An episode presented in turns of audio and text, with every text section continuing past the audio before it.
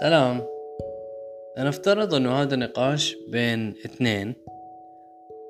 إيه، واحد مع الاستثمار بهاي الاوقات والتاني لا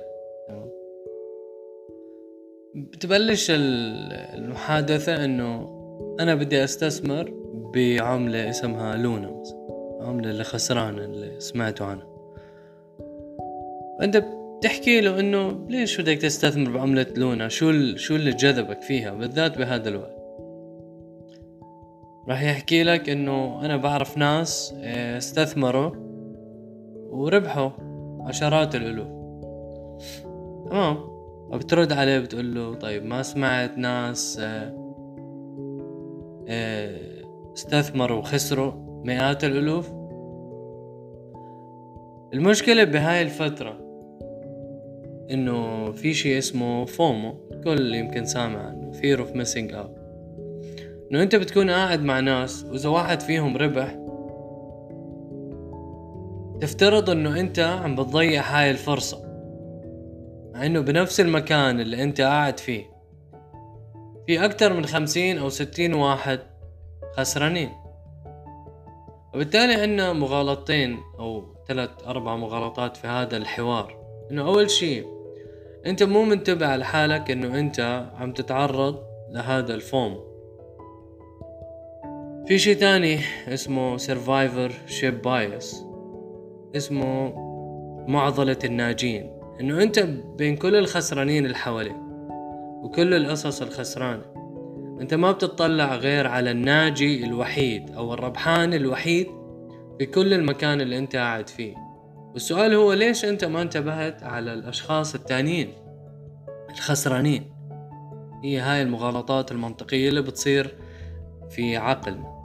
أنت اليوم تحت تأثير هذا ال FOMO أنت تحت تأثير ال survivorship bias بيجي واحد ثالث بيسألك طيب ما بالنهاية الاستثمار أرزاق يعني. أنت مهما حاولت تعمل plan ومخطط واستراتيجية بالنهاية هو رزق. مزبوط في أسباب دائما أسباب سماوية. إحنا من من قد ما إحنا ملتهين بهاي الدنيا نتناسى هاي الأسباب. والنعم بالله والواحد مؤمن بالله ومؤمن بهاي الأسباب المنطقية. الأسباب اللي بتيجي من الله عز وجل. بس كمان ربنا أمر من أوامر ربنا عز وجل إنه تعمل بالأسباب. فإذا أنت فعلا مؤمن بالله ومؤمن بقدرات ربنا عز وجل فأنت مؤمن كمان إنه تسمع كلام ربنا عز وجل بالعمل بالأسباب. أنا ما تستثمر وترمي فلوسك وإنه أنت راح تتحاسب على كل درهم أو كل دولار صرفته.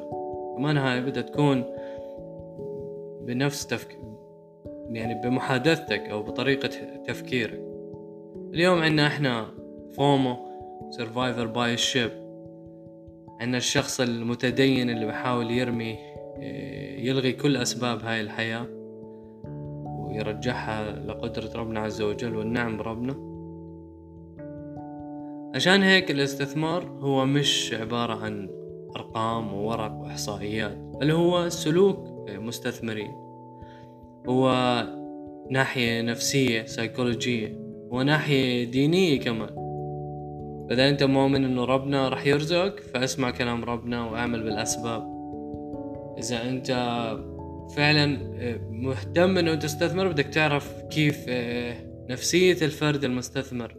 لما السوق ينزل لما السوق يطلع حتى تعرف إنه أنت مش تحت تحت تأثير هذا المخدر اللي بصير براسك.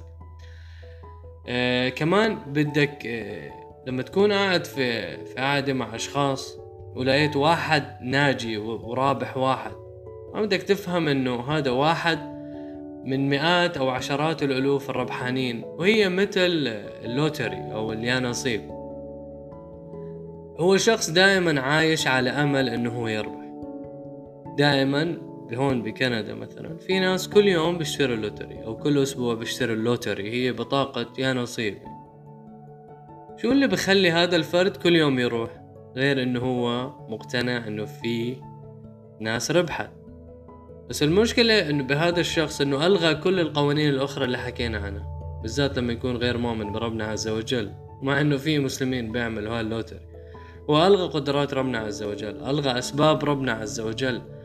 ألغى حتى احصائيا وبالأرقام قديش احتمالية إنه أنت تربح في 38 أو أو مليون شخص اشترى هاي ال lottery. احتماليتك أو ال probability تبع الربح تبعك هي 0.00001 نفس الشيء. إحنا بنحب نعيش على الأمل.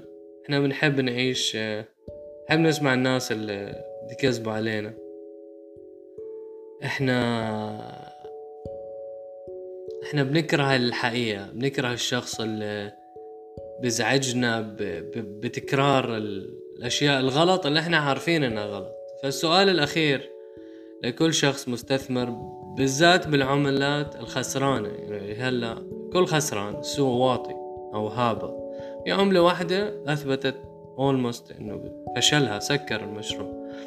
لكل شخص مؤمن آه، بالاستثمار بهاي العملة هو كم مية دولار أنت جاهز تغامر أو جامبلينج آه، كم مية دولار جاهز تخسرها؟ كم مية دولار جاهز إنه ربنا يحاسبك عليها بالدخول بعملة؟ الكل عارف إنه إلى الآن هي عملة انتهت إلى أن يبث فيها. بس هاي الكلمات اللي حبيت أحكيها. أتمنى الجميع التوفيق والربح. حتى الأشخاص اللي دخلوا جامبلينج ومقامرة كمان يربحوا.